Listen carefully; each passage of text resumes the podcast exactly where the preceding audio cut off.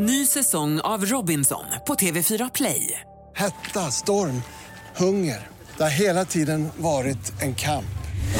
Nu är det blod och tårar. Fan händer just nu. Det. är Detta är inte okej. Robinson 2024, nu fucking kör vi! Streama söndag på TV4 Play. Hej, jag heter Gry Forssell och du lyssnar inte på radiostationen Mix Megapol. I alla fall inte just nu, för du ska ju precis höra ett nytt avsnitt av Mord mot mord. Men först vill ju vi säga hej. Hej, hej, det här är NyhetsJonas. Det här är Carolina Widerström. Och här är Gullige Dansken. Ja, och så Gry då, då. Det vi vill säga är att när du har lyssnat klart på den här podden, då får du gärna lyssna på våran. Vi spelar in ett nytt avsnitt varje morgon av våra podd Kvartsamtal. Och hela radioprogrammet blir ju också en podd om man är väldigt morgontrött eller så. Just det, om man missar morgonen ja. Men mest av allt så får du gärna lyssna på programmet i direktsändning varje morgon på Mix Megapol. Live varje morgon från klockan sex och då har vi med oss massor med vänner också. Thomas Bodström, Babben Larsson, Johan Pettersson, Christian Luuk. Massor med coola människor som bara dyker upp och gör livet bättre. Ja, som jag, Gullige Dansken. Exakt så. Och så mycket bra musik och annat skoj såklart. Så vi hörs när du vaknar på Mix Megapol. Podplay.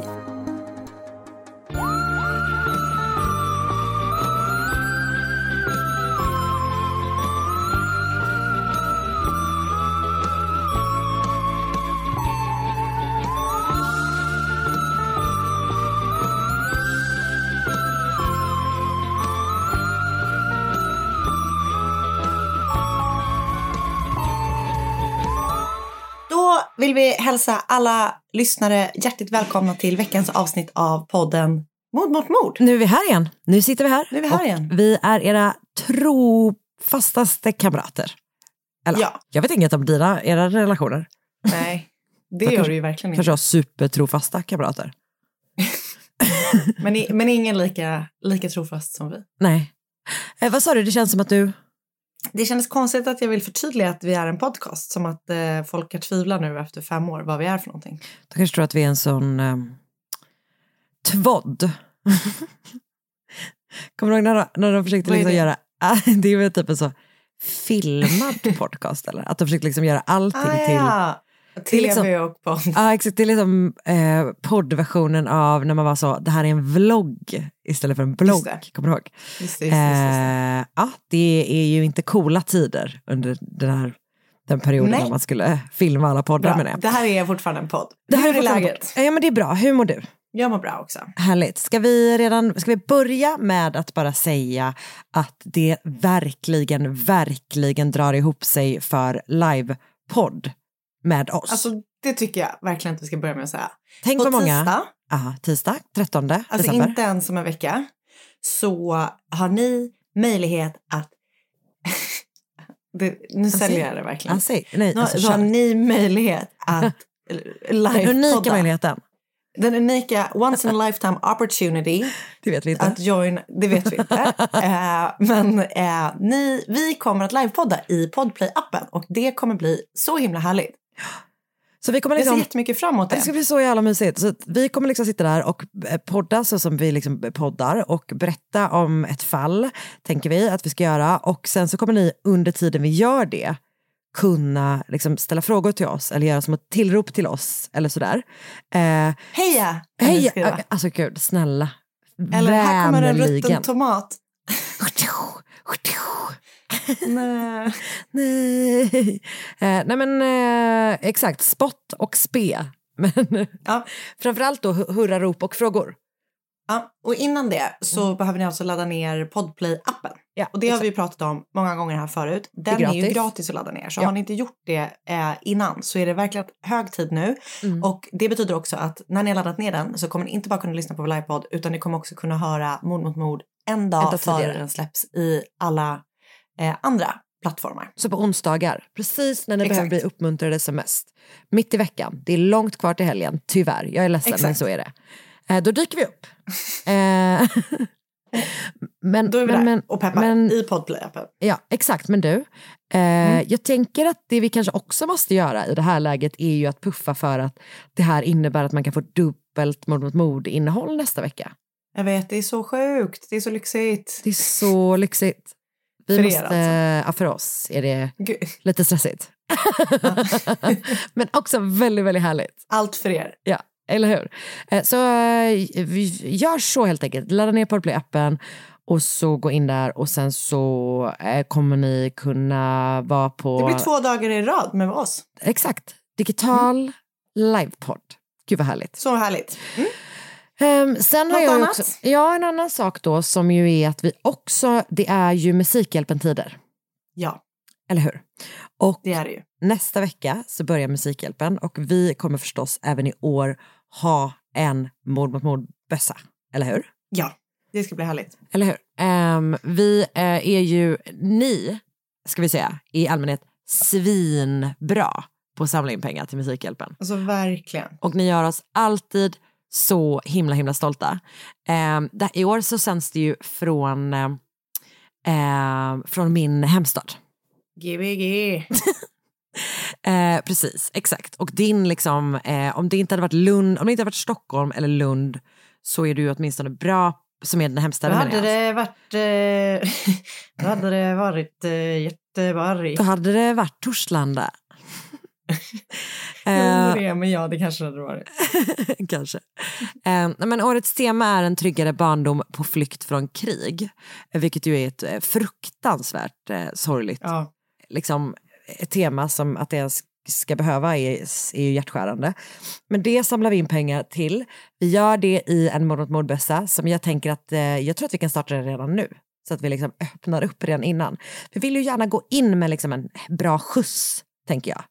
Ja, Så att passa på redan nu. Och det vi tänker att det, det kanske kan bli ett litet extra incitament är att när, när du har skänkt pengar så tar du en printscreen på det och sen så skickar du den printscreenen till våran Gmail, alltså mordmotmord.gmail.com så kommer vi att eh, välja en vinnare som kommer vinna ett eh, litet, liksom, jag tänker att det är ett julklappskit eller? ja, Från det är oss. precis vad det är. Det är Där det är alltså det är. lite olika så merch-grejer. Jag tänker att man också kan vinna en, alltså om man vill då, det här känns ju sjukt att säga, men om det skulle vara så att man typ till exempel har en person i sin närhet som skulle bli glad av en videohälsning från oss, så får man jättegärna, Mm. och man vinner då, så får man gärna be om det med. så Och det, kan det kan vara till en själv också. Ja gud ja, man bara, bara behöver en liten pepp från oss. Ja. Vi är inte så bra. peppiga, så att, eh, lägg det på en lagom nivå. Ehm, men så ja, Mord åt mordbössan, Musikhjälpen, skänk pengar, ta en printscreen, skicka till eh, så eh, har man chans då att vinna ett mm, mord mot mord-kit. Mm. Det låter väl bra? Kul, Mm, det låter super. Eh, bra, okej. Det var liksom det, det var våran business känner jag. Det var mycket business den här veckan. Ja, Men gud just det, jag ska ju också säga det, att jag också kommer vara med i Musikhjälpen.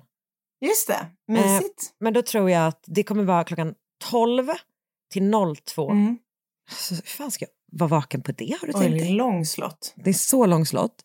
Eh, natten till fredagen. Mm. Så kommer det vara. Mysigt. Ehm, så att eh, om man vill vara med och hänga med då så kan man få göra det. Men jag tror att jag kanske kommer ta ett, jag kommer berätta om ett fall men som mord mot mord-lyssnare kommer känna igen från ett tidigare Mm. avsnitt. Så man vet. Det låter bra. Men då kan man sjunga med i refrängen om man säger så. Men nu var det nog med business. Eh, har du någonting att tipsa om den här veckan? Ehm, men ja, det är inte riktigt true crime, men det är en bra serie. Mm. Det håller väl? Ja, i- alltid. Gud Ja. ja. För då är det en serie som går på Apple eh, TV. Mm. Heter det så? Säkert. Eller? Ja, Eh, det. är Apples streamingtjänst som heter Slow House. Som handlar om eh, så här MI5-agenter som har tabbat sig. Men de har inte fått sparken, Mm. men de har blivit förpassade till en avdelning som alltså typ bara Som går ut på att sitta av tiden. Ah. Alltså verkligen. Ah. Och eh, det är eh, Gary Oldman är med, som är väldigt bra. Och eh, lite andra yngre som man inte kanske känner till lika mycket. Men det, vi har sett två avsnitt och den är faktiskt, jag tycker den känns jättebra. Är den rolig? Det låter som att det skulle vara kul. Men det är liksom, det är, det är inte en humorserie för att det Nej. händer spännande saker. Men den har Mm. liksom någon slags underton av att vara så här, äh, Lite mysigt. jag vet inte hur jag ska förklara. Den är liksom bra, fast ändå ganska, det händer ganska läskiga saker i den. Så att, ehm, Gud, spännande. ja, den är faktiskt Vad jättebra. hette den sa du? Slow House och då så stavas det S-L-O-U-G-H. Slow House. Ah, jag Mm. fattar. Wow, bra tips. Du då? Tack! Eh, men jag kan tipsa om en podd som heter Can I tell you a secret? Som är Ja. från Guardian, som är liksom en... Den handlar, nu är jag på avsnitt två precis. Det är en eh, ut, liksom undersökande, granskande podd som handlar om en snubbe som alltså typ, du vet, i en, under tio år i en liten stad i England bara liksom löpte amok typ på nätet. Alltså han utgav sig för att vara folk som han inte var. Han terroriserade människor, alltså typ som en stalker, alltså en digital stalker. Men liksom i en sån sinnessjuk ehm, mängd på ett helt, helt galet sätt. Liksom. Eh, att det, ehm, det är jättekonstigt alltihopa. Och jag är fortfarande i läget att jag typ inte riktigt vet vad historien är, om du förstår. Vilket Ja, ju, man, man, man vet så här, jag, det här är väldigt spännande, men jag vet inte riktigt var det ska ta vägen. Och den perioden i den typen av podd tycker jag är så himla spännande. Typ. Ja, men det är Du kul. vet jag när man bara, var ska vi härnäst? Så känner jag. Eh, så Can I tell you a secret från Guardian är mitt eh, tips den här veckan. Bra tips. Detsamma. Men du, ett annat bra tips är väl att eh, lyssna, fortsätta lyssna på den här podden, eller? Ja, men jag tycker det. kör vi! Ny säsong av Robinson på TV4 Play. Hetta, storm, hunger. Det har hela tiden varit en kamp. Nu är det blod och tårar. Fan händer just nu. Det. är Detta är inte okej. Robinson 2024, nu fucking kör vi! Streama söndag på TV4 Play. Ett poddtips från Podplay. I fallen jag aldrig glömmer djupdyker Hasse Aro i arbetet bakom några av Sveriges mest uppseendeväckande brottsutredningar. Går vi in med hemlig telefonavlyssning och, och då upplever vi att vi får en total förändring av hans beteende. Vad är det som händer nu? Vem är det som läcker? Och så säger han att jag är kriminell, jag har varit kriminell i hela mitt liv men att mörda ett barn, där går min gräns. Nya säsongen av Fallen jag aldrig glömmer på Podplay.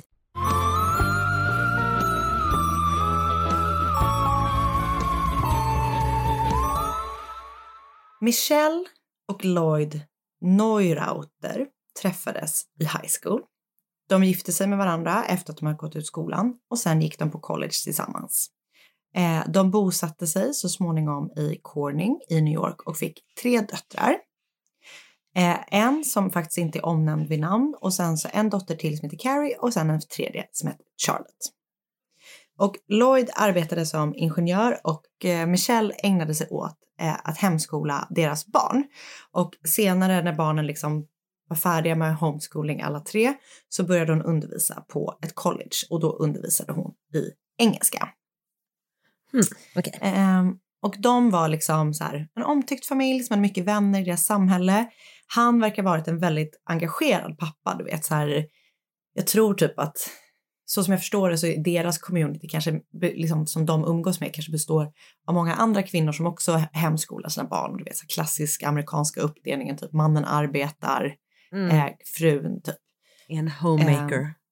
Exakt. Mm. Så han, men trots det då så verkar det ändå som att han har varit så väldigt engagerad i typ allting som flickorna gör. Att du vet, han så här, tog dem till skolan, eller tog, typ, tog med dem på dansen, fixade håruppsättning. Alltså du vet att han verkligen var så hands-on. Mm. Eh, men han var också väldigt, väldigt sträng.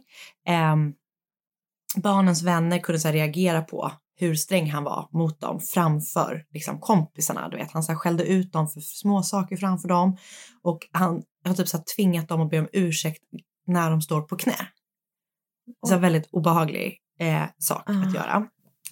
Det sägs också att han eh, slog sina barn och att han även eh, liksom misshandlade Michelle på olika sätt. Så han Oj. låter ju som en ganska fruktansvärd äkta make. Ja. Eller person överlag, ska jag väl kanske säga. Och när de då hade varit gifta i 25 år, för att de liksom håller ändå ihop sjukt Oh. länge. År 2008 så fick Lloyd ett eh, nytt jobb i New Jersey. Så att han då flyttar. Och eh, det verkar liksom ha gjort Michelle och tjejerna gott kan man säga. Och eh, efter att han flyttat då så ansökte han också om skilsmässa. Men det verkar ha tagit typ ett ganska bra tag för skilsmässan gick inte igenom förrän 2013. Så fem år senare. Oj. Och då flyttade Michelle och de barnen som fortfarande bodde hemma då till ett nytt hus. Och som jag förstår det så typ jag tror att den äldsta dottern då som inte är omnämnd vid namn, hon figurerar inte så mycket i den här berättelsen. Jag tror att hon bodde hemma hos sin pappa fram tills hon sen då, du vet, flyttade hemifrån sådär. Ah. Men eh, Carrie och eh, Charlotte, då, de yngsta tjejerna, flyttade med sin mamma till det här nya huset. Och givet då att han redan har, vi redan har förstått att han inte är en särskilt trevlig människa så var det heller då inte någon så här enkel eh, skilsmässa. Eh, han bestämde sig för att begära ensam vårdnad om barnen. Och egentligen så tror jag typ främst att det handlade om deras yngsta dotter för att eh, de andra hade liksom hunnit bli 18 under tiden som de väntade på att skilsmässan skulle gå igenom och sådär. Um, och utöver då att han sökte ensam vårdnad, eller kanske som ett led i det ska jag säga, så gjorde han flera eh, så anmälningar eller stämningar eller någonting sånt mot henne. Som alla verkar typ ha haft så här väldigt liten eller ingen grund utan liksom bara var till för att typ ifrågasätta hennes karaktär och typ... Så eh, vilken jävla mardröm. Alltså, när folk hamnar i sån där skit. Ja. Nej, oh, fan vad hemskt. Och det verkar liksom vara tudelat. Först vill han typ inte betala underhåll till henne och sen så vill han då också ha ensam vårdnad. Eh, så, så totalt så fanns det liksom 26 sådana här eh, anmälningar slash stämningar mot Michelle. Mm. Eh, och det pågår också länge då, för i 2017, alltså de skiljer sig 2013. Och han fortsätter efteråt. Han fortsätter efteråt. Och 2017, då är det som att någonting händer, för då är det typ, då ska det typ vara den här liksom stora rättegången som avgör så här, vem får, hur gör vi med vårdnaden typ. Och då är det typ som att han inte riktigt så pallar mer, för att han dyker liksom inte upp. Mm. Okej. Ehm, och då blir ärendet liksom avgjort utan att han är där och vittnar, du vet, gör motstånd eller någonting sånt. Ja. Så då får de då, som jag förstår det, delad vårdnad om den yngsta dottern. För hon är då typ 14 och eh, den mittendottern är väl typ 18, 19 och sen den äldsta dottern är väl några år äldre till än så. Vänta, och när sa du att det här Eh, var? 2017? 2017, ja. Så det har pågått i nio år? Sen de skilde sig? Ja. ja. Fy fan, vilken mardröm alltså. Alltså helt sjukt. Och den här dagen blir ju liksom världens segerdag för Michelle såklart. Du vet, hon känner sig så över. otroligt lättad. Du vet som Eh. när Nicole Kidman har skilt sig. Ja, jag älskar den Mm. bilden. Den är så härlig. Man bara känner glädjen. Woho! Och det är precis så här, det finns bilder från den här dagen också, du vet, och de typ så här gör en grej som verkar jättekul. De typ åker alltså på isblock ner för typ en gräskulle. De gör en grej som Det verkar jättekul. jättekul. Eh, det är kanske är en sport vi får explora framöver också. Ja, det tror jag absolut. Bra. Eh, jag har ju varit på jul, julfest en gång hos en familjekompis som bodde på så här, ett jättestort hus du vet, ute på landet, så här gammal gård. Typ.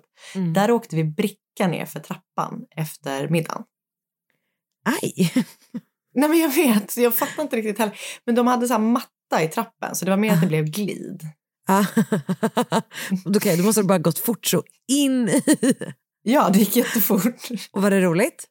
Det var jättekul och Ja, läskigt. jag- för jag var typ jag också i den åldern du vet när allting var pinsamt. Att jag var typ så här 13-14 att man bara tyckte innerst inne att det var skitkul men också aspinsamt för att man, att vet, man gjorde sig illa och var ful. Man var typ tvungen att spela cool när man åkte bricka. Exakt. Alltså, Vissla lite. Fan vilken jobbig ålder. Ja, vidrig. Men hon är då over the moon såklart. De har en toppendag, liksom hon och hennes vänner och sådär. Alla är jättelättade för hennes skull och du vet, det är toppen allting. Så därför blir alla Mm. liksom väldigt förvånade och liksom helt i chock när det händer något. Bara två dagar efter det här. En vän till familjen skulle komma och hämta Charlotte då, den yngsta dottern, för att köra henne till hennes simträning. När den här familjevännen kommer till huset så tycker hon att det känns skumt. Hon, det är ingen som öppnar dörren när hon plingar på och ehm, de har som så fönster, du vet, i dörren. Och när hon tittar in så tycker hon sig se Michelle stå vid trappan utan att röra sig. Huh. Så hon förstår liksom inte så här varför de inte öppnar. Så hon blir liksom, det känns inte bra typ. Och Charlotte ska ju vara hemma för de har ju avtalat om att den här familjevännen då ska köra henne till träningen.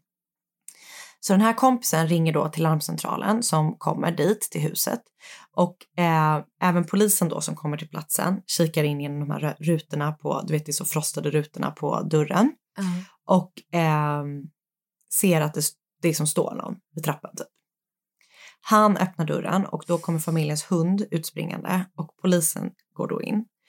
Eh, då ser de att Michelle är vid foten av trappan Mm. och hon har då ett rep runt halsen och hon lever inte längre. Så polisen kommer liksom till slutsatsen att hon har avslutat sitt egna liv där i huset. Samtidigt som polisen liksom tycker att det är, är saker som ser lite skumt ut också på hennes kropp omgående typ. Du vet hon har lite så här märken i ansiktet och på kroppen som snarare tyder på att hon typ har varit i bråk med någon än att hon Mm. då liksom, än att ingenting har, eller att du vet att hon har utsatt sig själv för det här. Eh, det ser ut som, och det här ser de väl inte direkt, men det, de ska senare se att det ser typ nästan ut som att någon har vet, så här, kommit med repet bakifrån, typ attackerat henne mer än Mm. att det är som ett, eh, att det är Mm. något annat som har hänt liksom. Eh, en annan sak som polisen liksom tycker är konstigt, du vet de börjar så här, Charlotte ska ju vara hemma, så de börjar leta efter henne i huset liksom. De letar överallt. Men hon är borta. Hon är bara helt, helt borta. Så de bara är så här, vad fan har hänt här liksom? Eh, för, för de var ju hemma dagen innan, det vet folk liksom. Eh, senare samma dag så tar polisen emot ett samtal och då är det Carrie som ringer, alltså deras eh, dot- mittendotter. Hon har hunnit bli 19 år och pluggar på ett, ett college i Rochester som ligger eh, 16 mil bort, så typ knappt två timmar. Och eh, när Carrie ringer då så är hon ledsen och hon berättar att hon har hört från vänner att hennes mamma har begått självmord. Och du vet, hon är, hon är uppjagad och väldigt ledsen såklart. Och hon berättar då att hennes lilla syster Charlotte är med henne i Rochester. Huh. Så de bara, men vad, hur har hon kommit dit liksom? Vad är det? Hon var ju här typ. Mm. Då berättar Carrie att hon har kört till sin mamma kvällen innan för att sova över. Men när hon väl var på plats så hade Michelle citat freaked out, något som hon enligt Carrie gjorde väldigt ofta liksom. Och ofta var det på grund av att Michelle tyckte att Carrie hade valt sin pappas sida när föräldrarna hade skilt sig. Eh, Carrie berättade att Charlotte hade vaknat till av att Michelle hade skrikit och att Carrie då hade blivit orolig för sin syster. Eller du vet att hon inte tyckte att det kändes liksom hon ville inte stanna själv och hon ville heller inte att systern skulle stanna där när mamman var så arg. Så därför hade hon då tagit med sig lilla systern och kört tillbaka hem till sitt eh, boende på skolan. Liksom. Okej. Men både folk i Michelles närhet och polisen tycker liksom att det är skumt. Eh, dels det här då utbrottet som hon då enligt sin dotter har fått på kvällen. Eh, de tycker liksom inte riktigt att det hänger ihop då med hennes sinnesläge du vet så här. Och då att, så här, att hon skulle begått självmord precis när hon har vunnit mot sin exman Ah. i rätten. Och du vet, alla säger att hon bara var så här in a good place finally. Du vet, hon har väntat på det här äh, hur länge som helst. Japp.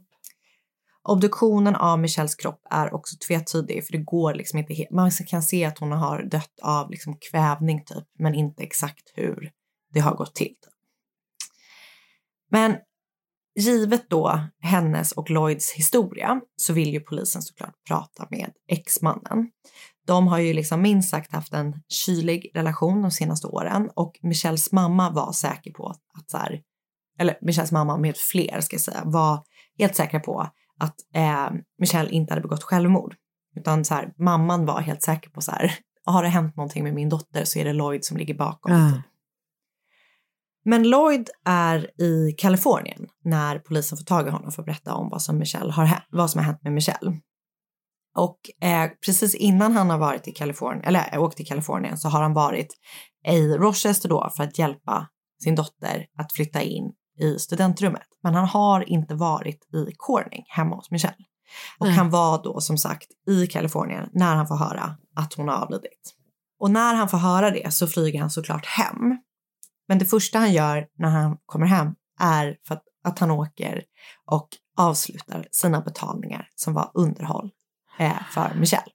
Oh. Så det är liksom det första han gör. Ja. Så sjukt kallt verkligen. Och polisen då, när han kommer hem så förhör polisen Lloyd. Han berättar då att eh, han har hjälpt eh, Carrie att flytta in i hennes rum i Rochester. Han säger att sen har han checkat in på ett, hotell i närheten eh, av alltså, Carries skola innan han då morgonen efter, typ samma dag då som Michelle sedan hittas, åkt till Kalifornien. Och hans telefon då, du vet, de ser var den har var, befunnit sig, styrker hans historia. Mm. Det är bara det att övervakningsbilder från hotellet visar att han och Carrie har kommit till det här hotellet där han har sagt att han har bott. De har gått in, Lloyd har checkat in, men sen visar bilderna igen hur han och Carrie går tillbaka ut till bilen, sätter sig i bilen och sen kör de iväg tillsammans. Har han lämnat sin mobil där då? Typ? Ja, han har liksom varit inne på hotellet, men han har inte stannat där som han har sagt till polisen. Och sen syns han inte på hotellets övervakningsfilmer förrän nästa morgon. Eh, och då syns han bara på parkeringen när han går till en bil och sen åker iväg. Och då ser det ut som att han har på sig samma kläder som han hade dagen innan. Okej, okay. that's weird. Precis. Det är skumt. Får man ju verkligen säga. Klassiskt skumt. Ja. Så även om det då liksom, de, de tycker typ att han är liksom, de har verkligen honom högt upp på sin eh, misstänktlista. Den enda de har på sin misstänktlista. Och eh, de vet ju då att han har varit en ganska vidrig eh, exman, men de behöver då hitta ett reellt motiv till varför han skulle mörda då sin, extra, sin exfru. Alltså varför han skulle gå från att bara liksom för det verkar ju först som att han bara vill ha vårdnaden om barnen. Liksom. Ah. Så var, ja. Men ehm, utöver det då, att han vill ha vårdnaden om barnen, varför skulle han mörda sin exfru? Barnen är liksom ja, men 22, 19 och 14, så det är liksom inga små barn. Eh, han kommer ju bara ha vårdnaden om ett barn i fyra år till. Ah. Men då visar det sig att han har höga kreditkortsskulder eh, och att han varje månad betalar Michelle 6 000 dollar i underhåll. Oh, Vilket ju liksom är ganska mycket pengar. Ja, verkligen. Eh, det visar sig också att kort efter att Michelle har dött så har han försökt begära ut en del av Michelles livförsäkring som motsvarade 260 000 dollar. Eh, det är även så att när Michelle dör så är Charlotte då sole beneficiary. Oj. Så, Ja, ja det av livförsäkringen. speciellt. Det är speciellt. Ja. Det är verkligen speciellt. Ehm, och jag vet inte om det har att göra med typ att det ska så här, försörja henne när hon är omyndig eller någonting. Jag Just vet det. inte. Just det. Eh, men så han gör ju så här jättekonstiga saker. Alltså som många gör när de har gjort begått brott. Så gör han, och det vet vi ju inte än att han har gjort då. Det vill jag inte bara för att hålla spänningen uppe. Eh, Bra. men han beter sig skitkonstigt liksom. Han beter sig misstänkt helt enkelt. Mm. Eh, men polisen känner så här, det måste absolut vara Lloyd som är skyldig till det här. Men vad har Carrie med det här att göra? Liksom, varför berättar hon en story? Alltså för det hon säger är liksom, det stärker ju, eller du vet, hon säger ju att hon har varit där. Alltså det, bara- det, du vet, Ja. de undrar vad hon har med saken att göra. För när de pratar med Carrie för att få bekräftat då det Lloyd har sagt så styrker hon det. Hon är så här, ja det stämmer. Min pappa var och hjälpte mig att flytta det. Jag körde honom till hotellet. Sen åkte jag hem till min mamma och då hände det här och då åkte jag hem med min lilla syster. Och pappa var på hotellet liksom. Ja. Och de fattar typ inte så här, varför, varför berättar hon en story som går i linje med det Lloyd har sagt som de vet. De vet ju att det inte är sant liksom. Polisen bestämmer sig därför för att avlyssna deras telefoner. Men den här avlyssningen liksom, den sker, alltså hon, eh, Michelle dör i september. Och nu är vi i november. Så det här Ja. är två månader efter. Och då bestämmer sig polisen för att avlyssna både Carrie och Lloyds telefoner.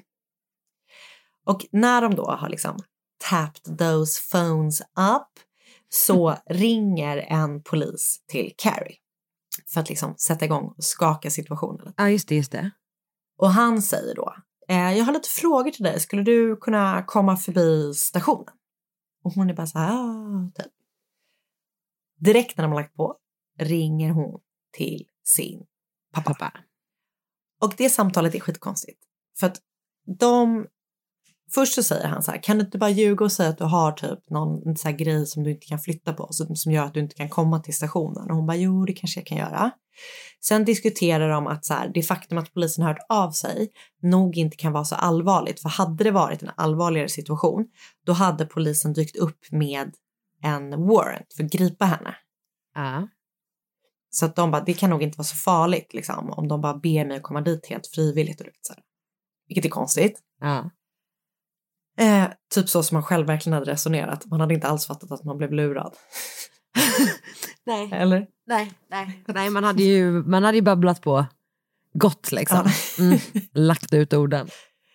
Men sen så säger de, båda två är typ bara så här, gud jag önskar bara att det här kunde vara över. Liksom om- att vi skulle slippa behöva, du vet, jag bara längtar tills den här situationen är över. Typ sådana saker säger de. Ja. Och eh, så säger till slut Lloyd så här, tror du att du kan gråta när du är hos polisen? Och då säger hon, ja men det tror jag att jag kan. Och då säger Ah, han, that's great. Typ. Ah. Det är så, Så polisen är bara så här, det, här, ja, det, är, alltså, det är så jävla pinsamt verkligen. Han är så Ah. påkommen. Ehm, Så jävla påkommen. så nu är polisen bara så här, vi är helt säkra på att det är något jävligt konstigt här. Det är skumt, mitt favoritord. Det här är, fortsätter att vara skumt, skumt. Men de har fortfarande inte fått bekräftat att eh, eh, Michelle blev mördad, liksom, utan de vet, de, de vet fortfarande liksom, att det, det är fortfarande tvetydigt om hur hon dog. Men till slut då så är det en rättspatolog som lämnar ett andra utlåtande och han kan säga att det är tydligt att Michelle har blivit mördad. Liksom Allting tyder på det. Alla Okej. fysiska bevis på hennes kropp tyder på att hon har blivit utsatt för våld och att hon då inte har eh, hängt sig så som brottsplatsen indikerade att hon hade Mm. gjort. Då anser polisen till slut att de har tillräckligt mycket att gå på och de åker för att gripa både Lloyd och Carrie. Mm. Och även om Lloyd då fortsätter att hålla sig till samma story som han och Carrie haft hela tiden. Han är vet, så super relaxed typ. Han är inte alls stressad av att bli inplockad till polisen. Han typ säger så här, men jag, alltså gör ett lögndetektortest där. jag har ingenting att dölja. Han är så kaxig, så självsäker. Vad störigt. Men en som inte är lika självsäker är då Carrie. Och det tar inte lång tid innan hon börjar berätta vad som har hänt. Hon berättar då att hennes pappa och hon har åkt hem till hennes mammas hus och att när Michelle då har sett Lloyd, att Lloyd var med Carrie, så har hon blivit arg. Och de två har då börjat bråka. Lloyd har då gått med Michelle upp för trappan och där har de då fortsatt bråka och sen eh, hade Carrie hört att det bara blev tyst. Och först säger hon att hon inte visste vad som hade hänt, men sen berättar hon att hon såg sin mamma innan de lämnade huset och att hon visste att mamman var död. Så jäkla hemskt. Åh, vad sorgligt. Hon berättar då att Lloyd hade kommit till henne en period tidigare och varit så här väldigt uppgiven och upprörd. Han hade sagt att han inte hade visst hur han, hur han skulle ha råd att betala Michelle det här underhållet varje månad och att han inte såg någon annan utväg än att begå självmord. Den enda andra utvägen som han kunde se var att de skulle döda Michelle istället. Så Ah, så. Lloyd liksom tvingade typ sin dotter att välja en av föräldrarnas liv. Oj, fan vad sorgligt. Det är så jäkla hemskt. Så Michelle liksom ger polisen hela historien och polisen då skulle åka och liksom gripa Lloyd på riktigt. Han hade släppts i väntan på det här lögndetektortestet som han hade gått med på. Ja. Men när de ska göra det då så har han stuckit. Han har rymt. Och då blir det typ så här, som på en film. De spårar hans telefon och det blir typ någon slags klassisk gripningsscen. Du vet, han står ehm, på ett tak någonstans Ah. och säger typ så här, jag hoppar, typ gå härifrån. Men till slut då lyckas de få ner honom därifrån och gripa honom eh, för mordet på Michelle. Eh, även Carrie grips för second degree murder och polisen liksom är säkra på att det är hennes pappa som har drivit henne till deltagandet i mordet på hennes mamma. Han är precis som du sa sjukt manipulativ och det liksom bara blir tydligare och tydligare ju mer de pratar med Carrie. Ja. Han förnekar att det är så här liksom. Han erkänner till syvende och sist efter att polisen har hittat DNA, hans DNA, på Michelles pyjamas och på brottsplatsen och typ tvingat att erkänna, honom, erkänna sig skyldig. Han erkänner då att han har dödat Michelle och att han sedan hade försökt att få det att se ut som självmord. Han dömdes till livstid i fängelse utan chans till frigivning. Carrie erkände sig skyldig för det hon åtalades för, men hennes pappa har sagt då att det är han som har manipulerat henne i flera år och att det borde tas hänsyn till när hon dömdes. Hon dömdes till 1 till 3 år i fängelse och släpptes år 2020 efter att ha avtjänat ungefär två år i fängelse. Ah, jävlar. Jag vet ingenting om vad hon är idag eller vad hon Nej. gör idag. Jag vet bara också att den här lilla systern då var i någon slags fosterhemssituation under rättegångsperioden. Jag vet inte vad som har hänt med henne efter heller. Men bo, bo, alla de tre tjejerna har ju liksom blivit av med båda sina föräldrar och det är bara så jäkla hemskt att en förälder kan så här, äh, dels jag, liksom utsätta den andra, den andra föräldern för Ah. något så här fruktansvärt. Men att man använder liksom sina barn på det tvinga sättet. in sitt barn. Nej, alltså det är så jävla hemskt. Det är. Så hemskt. Det är så jäkla sorgligt. Mm. Ja, det där var ju faktiskt fruktansvärt. Det var fruktansvärt. Jag vet, jag håller verkligen med. Eh, men jag har i alla fall läst eh, Dad conspired with daughter to kill her mom, then told her to cry to the police to the police to avoid questioning av Harriet Sockmansauer på people.com. Man coerces daughter to help him kill ex-wife and stage crime as suicide by Joe Disimonovich for Oxygen True Crime. I had to choose. Did the father brainwash his daughter to help plan her mother's murder på CBS News skriven av Erin Moriarty. Och sen Life Without Parole, Lloyd Neureuter Router, Killed Ex-Wife with Help from Their Daughter av Jeff Murray och Carrie Neureuter Manipulated into Helping Kill Mother eh, Released from Prison av Jeff Smith på Star Gazette. Och sen så har jag lyssnat på podden som heter så mycket som The Good Daughter, Carrie Neureuter och det är True Crime Brewery som har gjort det avsnittet. Åh herregud. Ja. Tänkte. Tack. Eh, tack snälla. Um, jag vet inte ens vad jag ska säga faktiskt. Nej, det var jätte, jättesorgligt. Jättehemskt, jag vet. Alltså just hur man kan förstöra sitt barns liv. Ehm, Nej, jag vet. eller alltså alla sina barns liv så som man gör när man uppenbarligen dödar ens, dens förälder. Men det här blir liksom också mer direkt på något sätt. Involvera på det sättet. Ja, exakt. Nej, det är att tvinga henne att leva med den skulden och att typ jag antar att hela hennes, du vet folk runt henne alieneras ifrån, alltså du vet liksom. Ja, nej det är så Åh, jävla hemskt. Vad sorgligt. Ja, du, tack Mm. för det där. Tack. Ny säsong av Robinson på TV4 Play. Hetta, storm, hunger. Det har hela tiden varit en kamp. Nu är det blod och tårar. Fan händer just. Det. är Detta är inte okej. Robinson 2024, nu fucking kör vi! Streama söndag på TV4 Play. Ett poddtips från Podplay. I fallen jag aldrig glömmer djupdyker Hasse Aro i arbetet bakom några av Sveriges mest uppseendeväckande brottsutredningar. Går vi in med hemlig telefonavlyssning och, och då upplever vi att vi får en total förändring av hans beteende. Vad är det som händer nu? Vem är det som läcker?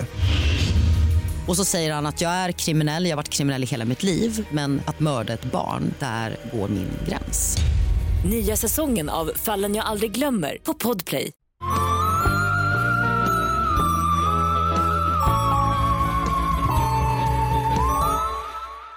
Annie Bella Wright, hon heter Bella eh, i förnamn, Bella Wright, föddes den 14 juli 1897 i Leicestershire i England. Och hon växer upp i den lilla byn Stoughton. Hennes föräldrar har sju barn. Bella är äldst. Hennes pappa jobbar med lantbruk, alltså han, de har ingen egen gård utan han är, jobbar på andras gårdar.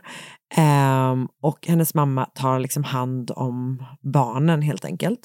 De bor tillsammans i en liten stuga och det är liksom inget lätt liv om man säger så, utan de har det Nej. väldigt, väldigt tufft helt enkelt. Men Bella får i alla fall gå i skolan tills hon är 12 år gammal. sen börjar hon jobba.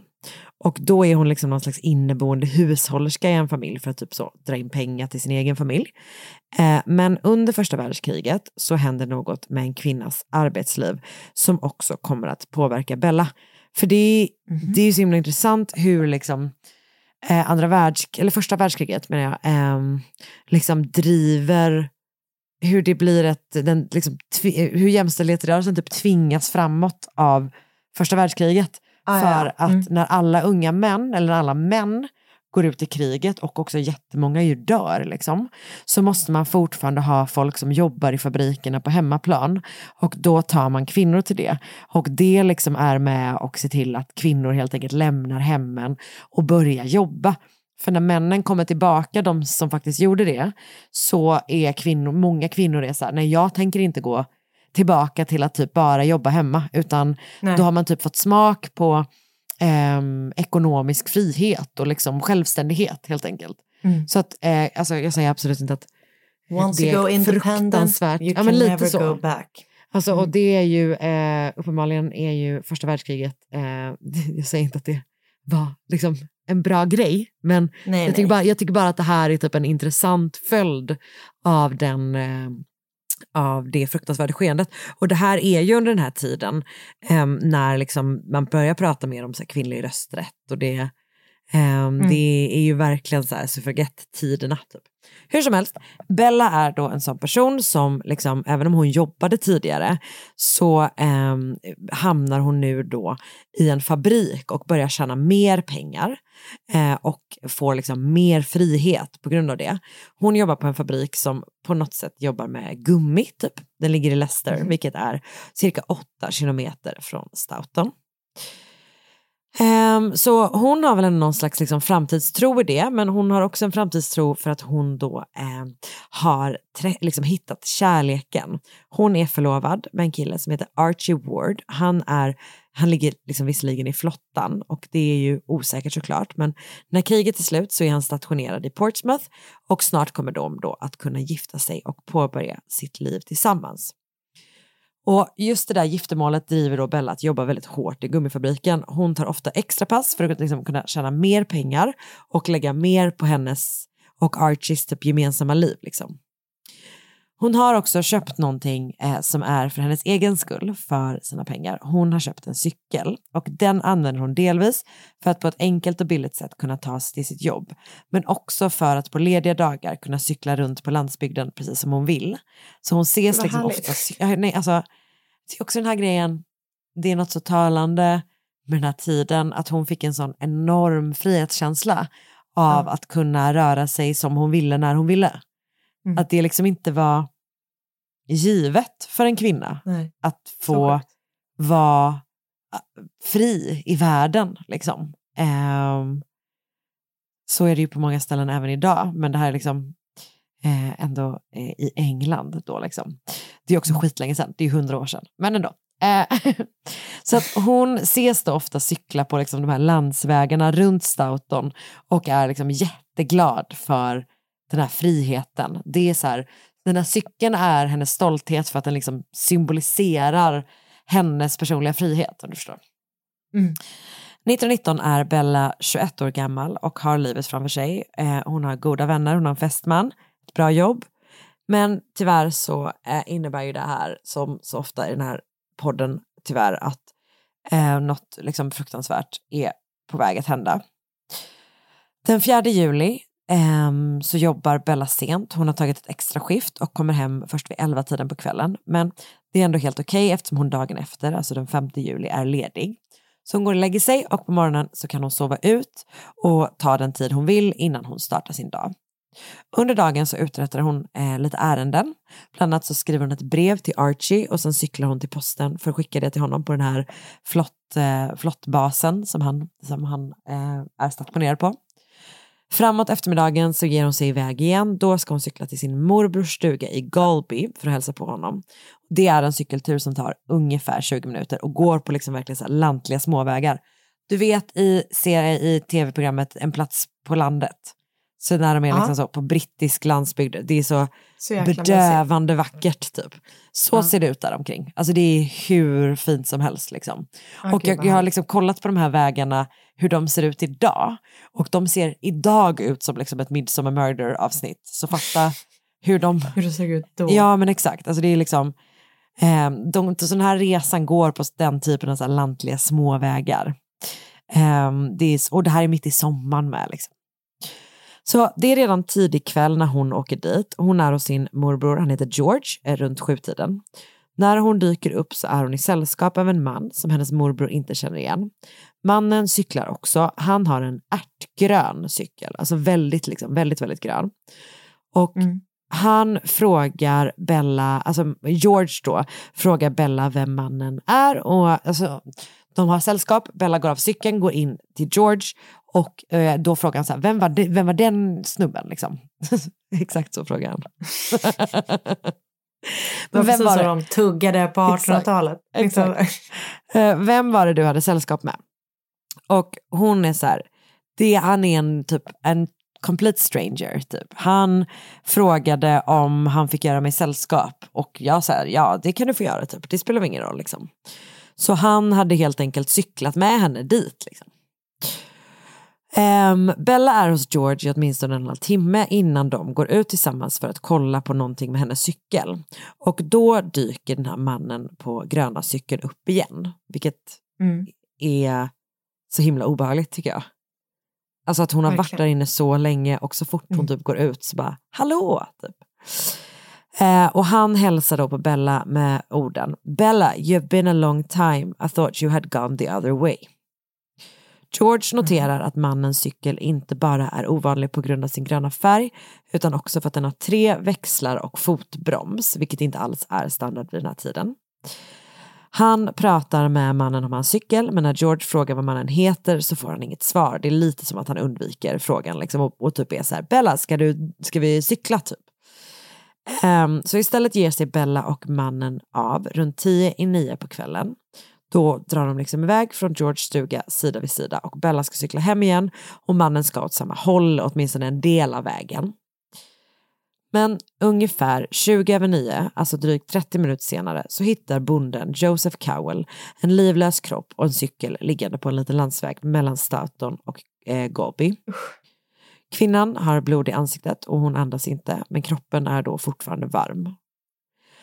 Eh, Joseph Cowell får tag på polisen och både polisinspektör PC Alfred Hall och läkaren Dr. Williams kommer till platsen. Eh, Det här är ju redan kväll nu liksom, vid den här tiden och Alfred Hall börjar alltså försöka söka igenom brottsplatsen eller olycksplatsen beroende på vad man tror eh, med stearinljus. Gud, Det känns svårt måste jag säga. minst sagt. Dr. Williams tycker då att det, dock att det verkar lite onödigt eftersom han eh, ser liksom en initial koll på den här kroppen och konstaterar att det här är en olycksplats, det är ingen brottsplats. Han beordrar att kroppen ska köras på en kärra som man vanligtvis kör mjölkflaskor på till en övergiven stuga. Och där gör han en liten koll där han kommer fram till att kvinnan har drabbats av någon slags utmattning när hon har cyklat. Hon har fallit av cykeln och slagit i huvudet och det är det som har dödat henne. Okej. Alfred Hall är inte nöjd med den beskrivningen så dagen efter är han tillbaka på platsen och letar igenom den millimeter för millimeter.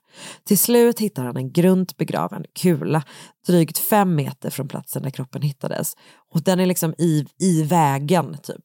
Så det är som att han får gräva fram den lite grann. Ehm, Men, men ja, hur som helst. Och efter det så kollar han då på kroppen igen. Han tvättar blodet, eh, av blodet från ansiktet, vilket man kan kan tycka man är något som även läkaren kanske borde ha gjort. Men hur som helst, eh, han gör det och då ser han att det är liksom ett litet, litet kulhål under ena ögat med ett utgångssår på baksidan av huvudet. Kvinnan, som då snart kommer att identifieras som Bella Wright av hennes föräldrar, har blivit mördad. En väldigt äcklig liksom, detalj på den här brottsplatsen är att man hittar blodspår på ett eh, närliggande staket. Och sen ser man liksom blod i typ gräset. Och när man kollar närmare så är det alltså en eh, kråka typ. Eller åtminstone någon slags fågel som eh, när man t- som liksom, gjort vad då? som verkar ha ätit väldigt mycket blod typ. Nej, nej, usch. Eh, vilket det känns så himla skräckfilmigt. Liksom. Sånt där klarar inte jag av. Eh, Okej, det är kul att det är sånt du inte klarar av. Eh, Ja, Karin. får- Nå, Alla ska vi dra våra gränser någonstans. Okej, så ett, ett mord har alltså då skett på en väldigt, väldigt, isolerad och lugn plats under ett tidsspann om 30 minuter. Alltså, du förstår. Ja, det är det, är liksom, Mm. det är helt sjukt.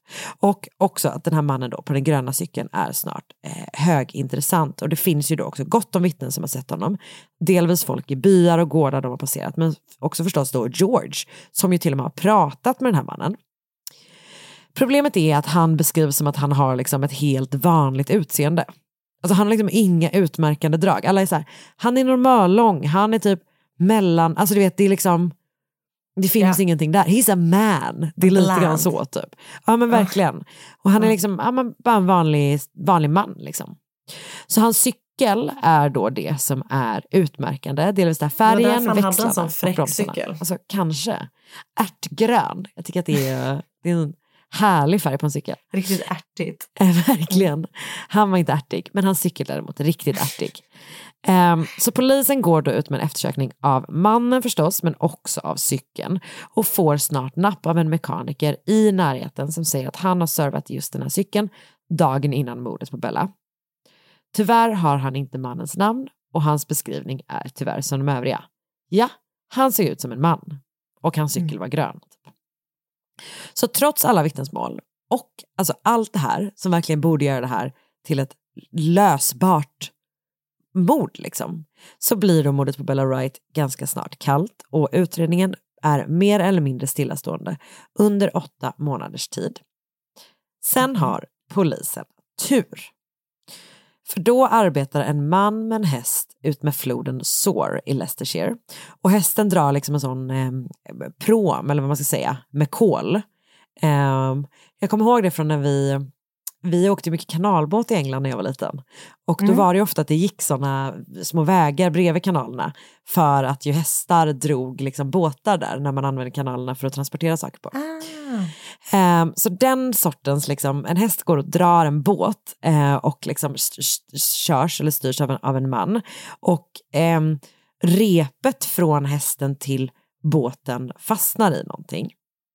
Och när den liksom dras upp så eh, är det då en del av en, liksom, en isärplockad ärtgrön cykel. Och den här, det här fallet har blivit jätte, jätte omskrivet i det här området och så den här mannen fattar liksom direkt att så här, eh, det är dags att höra av sig till polisen för jag har hittat en grön cykel. Så polisen kommer dit, de söker igenom floden och får upp fler delar och kan då konstatera, konstatera att inte nog med att personen som har slängt de här, den här cykeln har liksom plockat isär den väldigt noggrant. Den, eh, alltså, de har, den har också försökt slipa bort serienumret.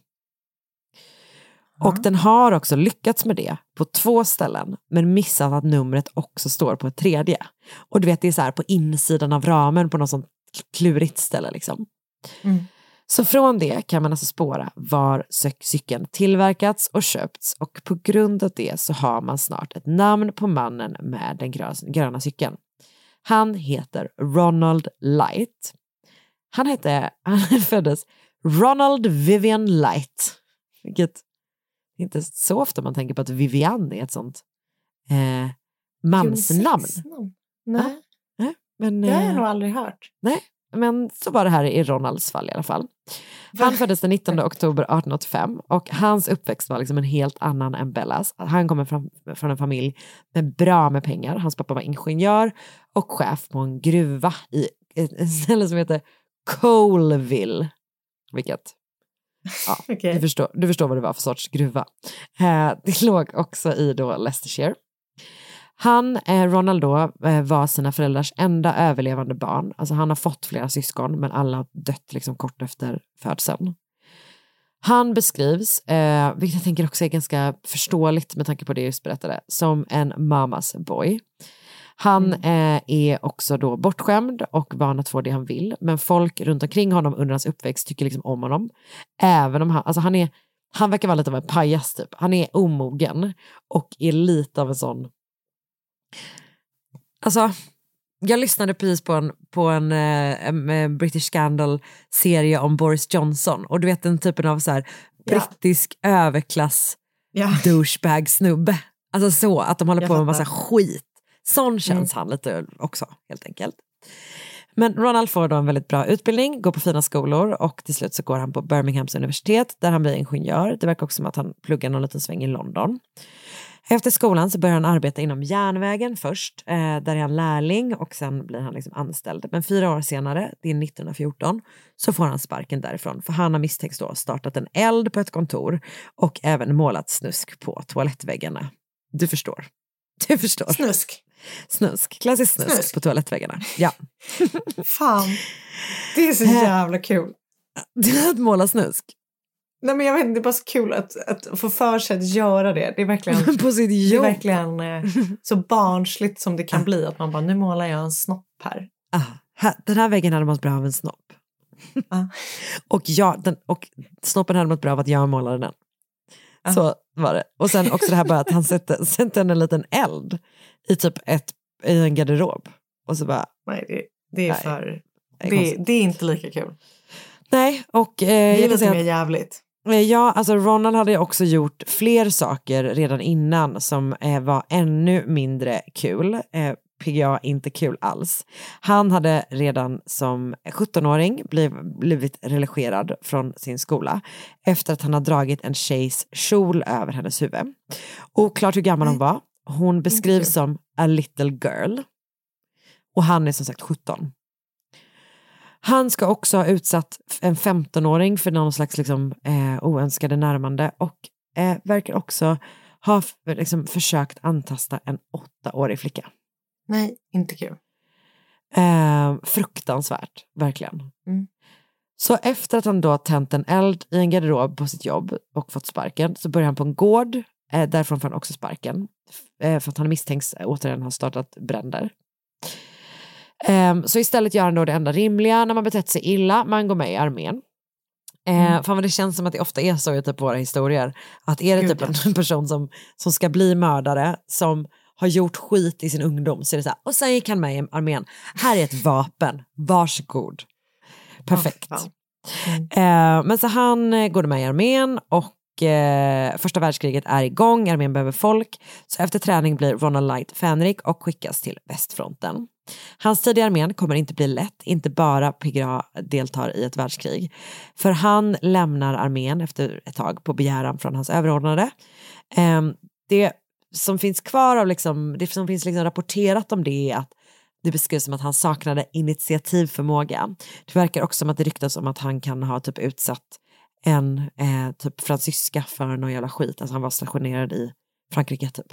Oh. Eh, men han skickas i alla fall hem och officiellt så är det för att han saknar initiativförmåga. Helt enkelt. Okej. Eh, hur som helst, ett år senare är han tillbaka i armén på en annan tjänst i en annan del av armén. Det verkar vara någon slags sån reserve, eh, så lite annan sorts armé som jag förstår det. Okej. Men vid den här tiden så tar man väl, jag, jag tänker att alla var i, Man tar här det är man typ så, får. ja det här är typ så 1917 eller någonting. Mm. Ehm, och han får då snart lämna igen efter att ha blivit påkommen med att förfalska order. Jag tror att han kanske aldrig skickades till fronten. Och eh, jag läste någon källa där det stod att det, han, alltså det här med att han förfalskade order var alltså att han eh, förfalskade order som gjorde att hans, liksom, hans gäng inte skickades till fronten. Han bara, eh, hallå, ja det är kapten bla bla bla. Eh, det här gänget, eh, de behöver vi på hemmaplan. Och så blir han Det kan påkommen. jag igen då, apropå snoppen på väggen där, tycker jag är lite kul. Då. Ja, ja, men det är verkligen, han, eh, det går Ja. fram och tillbaka med den här snubben kan man säga. Ja. Ehm, så efter det så eh, blir han liksom, får han lämna igen och sen snart kommer man också fram till att han har sån här shell shock, alltså det är ju någon slags PTSD ehm, syndrom helt enkelt. Eh, posttraumatiskt stress- stresssyndrom betyder det att man inte behöver lägga till ett syndrom på slutet med. Ja, jag Eh, tror det. Han har ju, var, han har ju typ fått PTSD eh, på grund av det han har varit med om i kriget. Han, är också, han har också nedsatt hörsel så han har både fysiska och psykiska men efter det. Eh, när han lämnar armén så flyttar han hem till sin mamma i Leicester. Hans pappa har dött vid det här laget. ehm, så att det är liksom bara de två kvar. Och han känner sig uppgiven och nedstämd. ehm, och eh, till slut så landar han väl lite grann på fötter igen. Han får då ett jobb på en skola i Cheltenham där han är mattelärare. Perfekt med en person som har utsatt unga flickor för skit innan. Eh, men det är också på den här skolan som polisen kommer att gripa honom den 4 mars 1920. Han häktas då för mordet på Bella Wright. Han säger att han eh, inte har någon aning om vad de pratar om. Han har aldrig träffat Bella.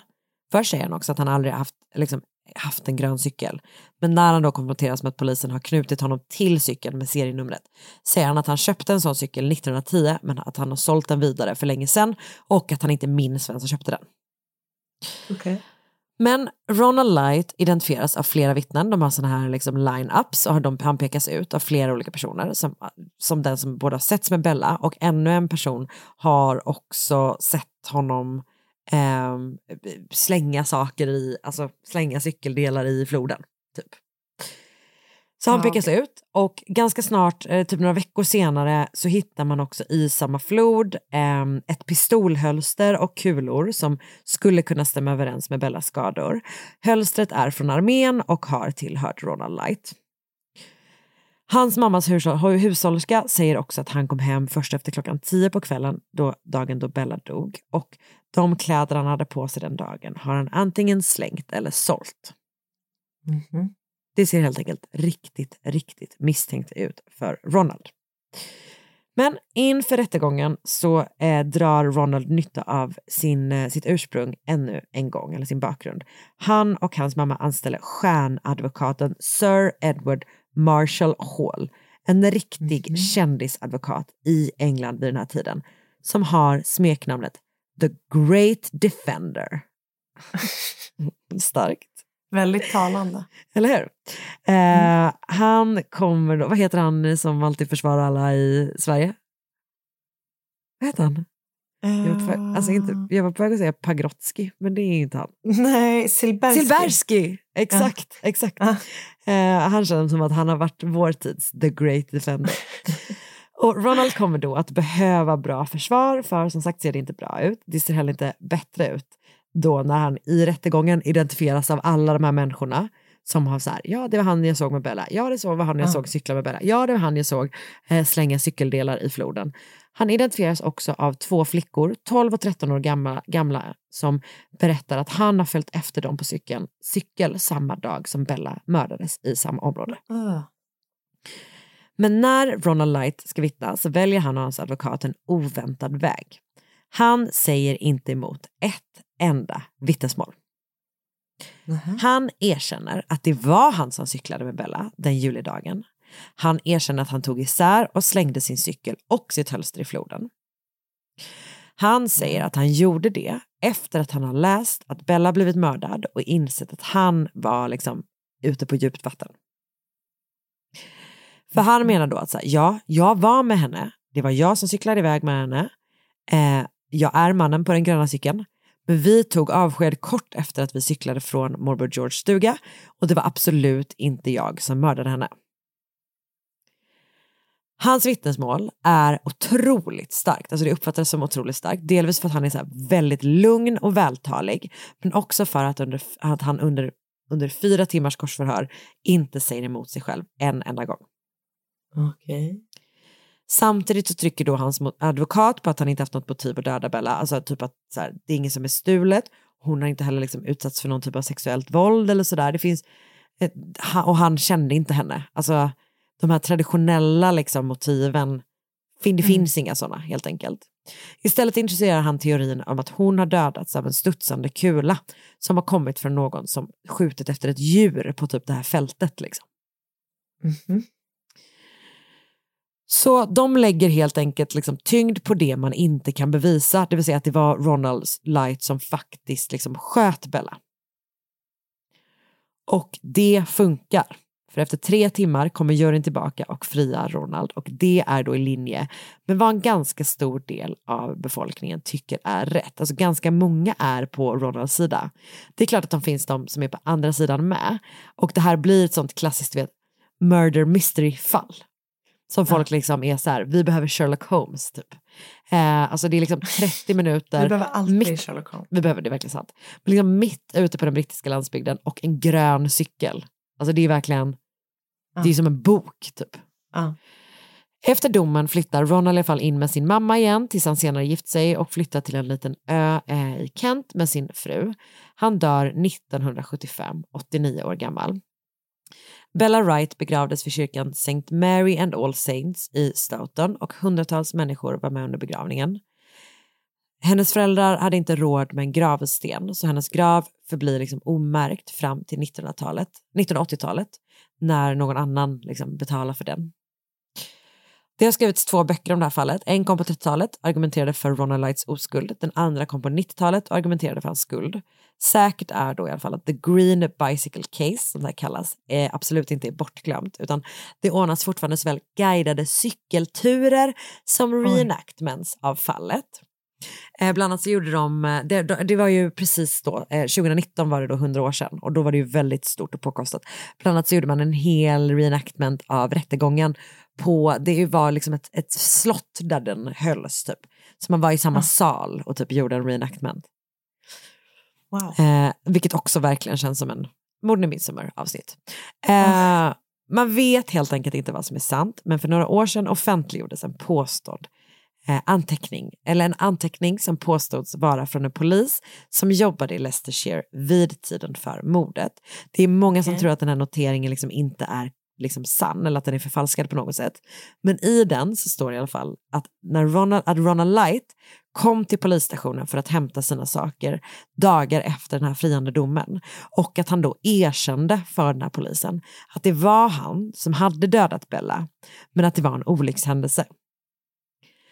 Han lovade då också att om polisen skulle försöka gå vidare med erkännandet så skulle han bara förneka allt igen.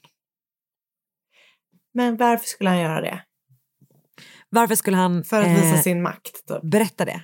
Ja, exakt. Alltså det han sa, eller det som sagt, man vet inte om det här är, en, om det här är rätt överhuvudtaget eller om det bara hittar på hela den här jävla lappen. Men det Nej. enligt lappen så var det att han så här, eh, väl behövde typ lätta på sitt hjärta. Och att han då skulle visa henne sin pistol som han hade med sig i det här hölstret. Eh, och att den råkade gå av. Typ. Ah, okay. Det finns de som säger att det inte riktigt stämmer överens med hennes skador också. Så att det är mycket som är oklart. Visst var det ett jättekonstigt, jättespännande fall? Jätte, jätte. Jag har då lyssnat på podden Unsolved Murders, avsnitt 234. 34? 34. 34. Läst en BBC-artikel av Greg Watson med rubriken Greens Bicycle Mystery Case Worthy of Sherlock Holmes. En artikel på Crime Traveller av Fiona Guy. En eh, Historic Mysteries-artikel av Bipin Dimri. Läst Leicestershire Chronicles, serie om fallet. Skriven av Isaac Hardston. Och sen så har jag läst en eh, massa olika Wikipedia-sidor. Bra. Det var det mordet på Bella Wright, The Green Bicycle Case. Det var alltså ärtgrön som skulle in på rad. Det vill man nästan ha. Det lät fräckt tycker jag. Ja, eller hur? Eh, och så kan du unna dig tre eh, växlar och fotbroms. Jag ska säga att mer än tre växlar behöver man inte och en cykel utan fotbroms är en dålig cykel. Kolla, det är du och Ronald Light. Ja, jag vet inte om jag vill paras ihop med honom. Men Nej. okej. Det är same taste in ni, är, bicycles. ni är olika på många sätt förutom att ni har liknande smak på cyklar och båda två målar snoppar så fort ni får chansen. ja? Nej? Ja, om ni ser en snopp på väggen hemma efter att jag varit hemma hos er så är det jag. Skön, skön att göra det hemma hos folk. Lite, lite, lite snopp. Eh, Okej, Okej. tack så mycket Karin och tack alla ni som har lyssnade. Nästa vecka blir en pangvecka för då är, får vi ses inte bara en gång utan två gånger och det blir Ja. underbart. Tisdag 18.00 livesändning i Podplay-appen. Det ska bli så himla himla kul att prata med er där. Eh, och så hörs vi då helt Så säger enkelt. vi så. Okej, hej då! Podplay. Ny säsong av Robinson på TV4 Play. Hetta, storm, hunger. Det har hela tiden varit en kamp. Nu är det blod och tårar. Fan händer just nu. Det. är Detta är inte okej. Robinson 2024, nu fucking kör vi! Streama söndag på TV4 Play.